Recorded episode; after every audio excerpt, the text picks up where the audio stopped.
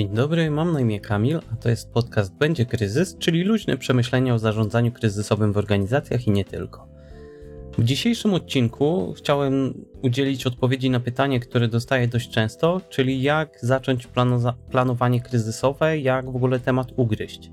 I to pytanie jest jak najbardziej zasadne, ponieważ no, cała dziedzina zarządzania kryzysowego może wydawać się ogromna i trudna do ogarnięcia. Dlatego moja standardowa odpowiedź brzmi: zacznijmy po prostu od początku. E, żeby wiedzieć, co chcemy chronić przed kryzysami, musimy przeanalizować sytuację naszej organizacji i naszą organizację. Osobiście korzystam tutaj z metody, którą wykorzystuje się również w innych dziedzinach, w tym mocno spokrewnionego z zarządzaniem kryzysowym, czyli zarządzaniem ciągłością działania.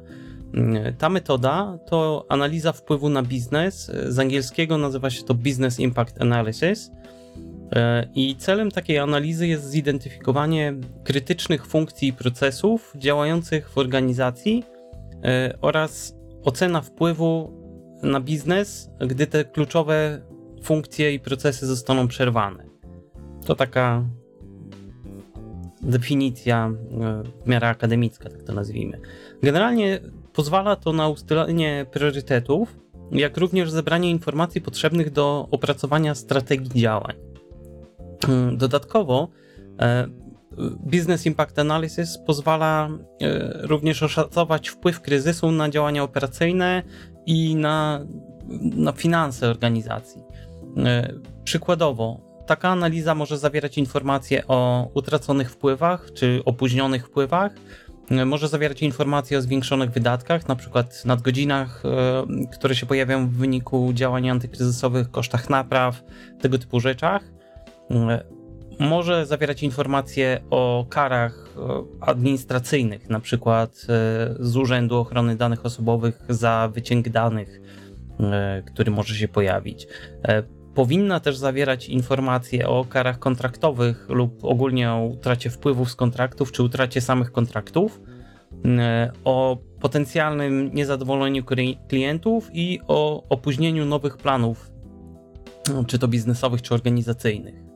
E, generalnie na bazie tej analizy można również zbudować e, system wczesnego ostrzegania przed potencjalnymi kryzysami no ale to nie jedyna jak gdyby zaleta wpływu na biznes.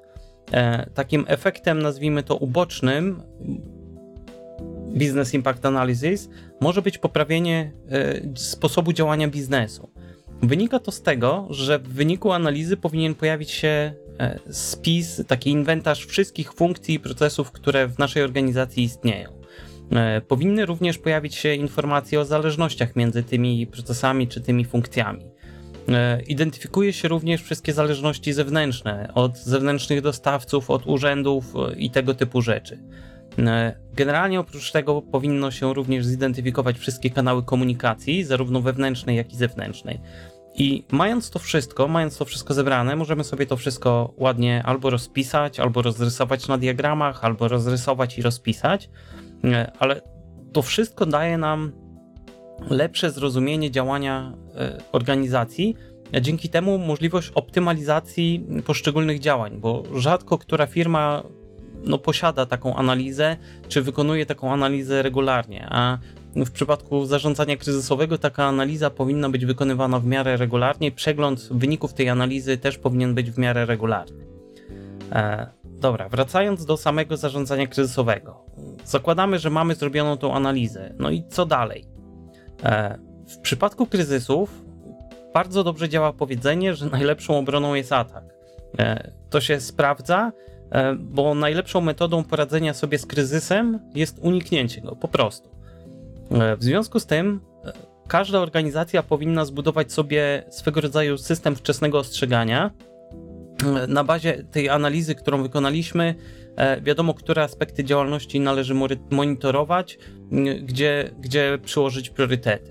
I w ramach monitorowania warto zbudować sobie również proces, który będzie się skupiał nie tylko na tych kryzysach, które są, nazwijmy to, w zasięgu wzroku już, czy na wyciągnięcie ręki, e, czy mogą być na wyciągnięcie ręki, ale warto zbudować również proces, który będzie skupiał się na potencjalnych kryzysach, e, zarówno w średnim, jak i długim okresie. E, czyli tutaj wracam trochę do tego, że zarządzanie kryzysowe jest działaniem na poziomie strategicznym. Tak? Działanie długookresowe jest działaniem strategicznym. Co taki system monitorowania daje? Pozwala zachować czujność i często pozwala uniknąć kryzysów, e, które są kryzysami narastającymi, czyli e, tlą się, tlą się długo, długo, długo i potem nagle ciach, mamy problem. E, wspomniałem chwilę wcześniej o zarządzaniu ciągłością działania. To uzupełnię tą informację o zarządzanie ryzykiem, ryzykiem i zarządzanie incydentami. Generalnie wszystkie te trzy dziedziny, czyli zarządzanie ciągłością działania, zarządzanie ryzykiem, zarządzanie incydentami, są powiązane ze sobą, jak również z zarządzaniem kryzysowym. Co dzisiaj mam problem z wysłowieniem się. E, niejednokrotnie spotkałem się z taką sytuacją, że kryzys pojawiał się ze względu na to, że ktoś zignorował materializujące się ryzyko. E, czyli takie materializujące się ryzyko to takie e, bardzo, rzekłbym, fachowe stwierdzenie. Generalnie mówiąc wprost, dzisiaj nadużywam słowa generalnie. Mówiąc wprost, chodzi o sytuację, gdzie zarządzanie ryzykiem zidentyfikowało jakieś potencjalne zagrożenie, które faktycznie się pojawiło, które wystąpiło. I to zdarzenie zostaje albo zignorowane, albo zostaje źle obsłużone, co skutkuje tym, że problem powstały w wyniku tego zdarzenia eskaluje i staje się kryzysem. Czyli działania, które zaplanowaliśmy w ramach zarządzania ryzykiem, e, już nie będą skuteczne i trzeba przejść do trybu zarządzania kryzysowego, czy działania kryzysowego. Mm, podobnie w przypadku zarządzania ciągłością działania. Znam e, osobiście przykład, mm, e, gdzie w w ramach procesu zarządzania ciągłością działania zostały stworzone procedury e, tworzenia i odtwarzania e, kopii zapasowych e, wszystkich systemów, które w tamtej organizacji występowały.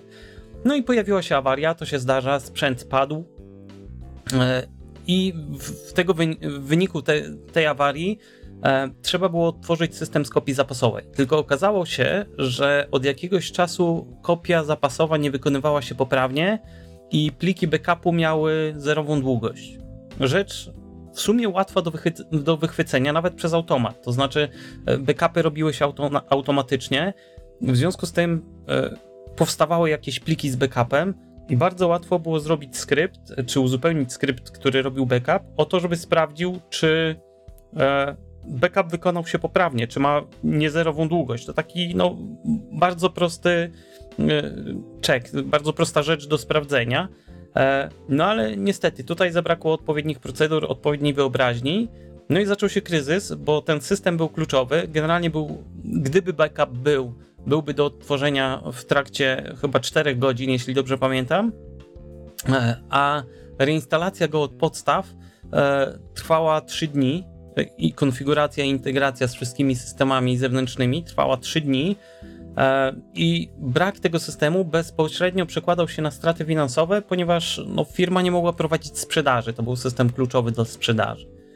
E, także no właśnie tutaj musiało wejść zarządzanie kryzysowe, bo nawet nie mieli procedury na to, e, co zrobić w przypadku, jeżeli nie uda się odtworzyć z backupu takiego systemu. Tak? A to znowu łatwa rzecz do wyobrażenia sobie, ale właśnie może zbyt łatwa, zbyt oczywista i dlatego została zignorowana. Tak? E, I może przejdę już do ostatniej rzeczy, którą chciałem dzisiaj poruszyć, e, czyli kwestia tego, żeby nie tracić czujności. E, no, w swoim doświadczeniu, czy, czy no, w trakcie pracy widziałem już sporo organizacji, E, które przygotowywały piękne plany zarządzania ryzykiem, zarządzania ciągłością działania, zarządzania incydentami i nawet zarządzania kryzysowego, a potem wszystko pozostawało na papierze i w sposobie funkcjonowania organizacji niewiele się zmieniało. Później coś się wydarzało i było zdziwienie, że jak to? Przecież mamy e, takie plany, tyle kasy na to wydaliśmy, to dlaczego to nie działa? Dlaczego to nie zadziałało? Dlaczego nie zadziałało zarządzanie ryzykiem, ciągłością działania i, i zarządzanie kryzysowe? No, generalnie chodzi o to, że trzeba sobie uświadomić, że kryzysy mogą rozwijać się niezależnie od e, skuteczności wdrożonych mechanizmów. E, I w związku z tym każda organizacja, która e, ma plan, już mniejsza o to, czy zarządzanie ryzykiem, ciągłością działania, czy kryzysowy, ale każda organizacja, która ma plan, ale nie wdraża go w życie, nie powoduje, że ten plan żyje w świadomości e, pracowników, e, generalnie wyrzuciła pieniądze w błoto, które, które zostały wykorzystane na ten plan. Świadomość i świadomość sytuacyjna to są kluczowe elementy w zarządzaniu kryzysowym i nie tylko, ale o tym w sumie to opowiem w jednym z kolejnych podcastów. I też w ramach e, jednego z kolejnych podcastów opowiem też, że e, warto wszystko testować. Zresztą e, o, o, o, całości procesu zarządzania kryzysowego będę mówił w trakcie moich pięciodniowych warsztatów, właśnie z zarządzania kryzysowego. To będą warsztaty online, które zaczną się 22 lutego. Będą się składały z dwóch sesji: sesji porannej, która będzie na Teamsach, i popołudniowej, czy wieczornej, gdzie na grupie na Facebooku będzie można mm, porozmawiać o pracy domowej, o, o, o tym, jak została zrobiona, czy jakie są problemy ze zrobieniem. W każdym razie, jeśli chcesz dołączyć, to zapraszam na będziekryzys.pl ukośnik warsztaty, gdzie jeszcze można się zapisać. Zapisy trwają do 7 lutego. Mm, w tej chwili zapisanych jest chyba 17 osób, także jeszcze parę osób e, się zmieści. A Zapraszam, jeżeli ktoś ma ochotę. E, a tymczasem dziękuję za uwagę i zapraszam na kolejne odcinki już wkrótce. Do usłyszenia.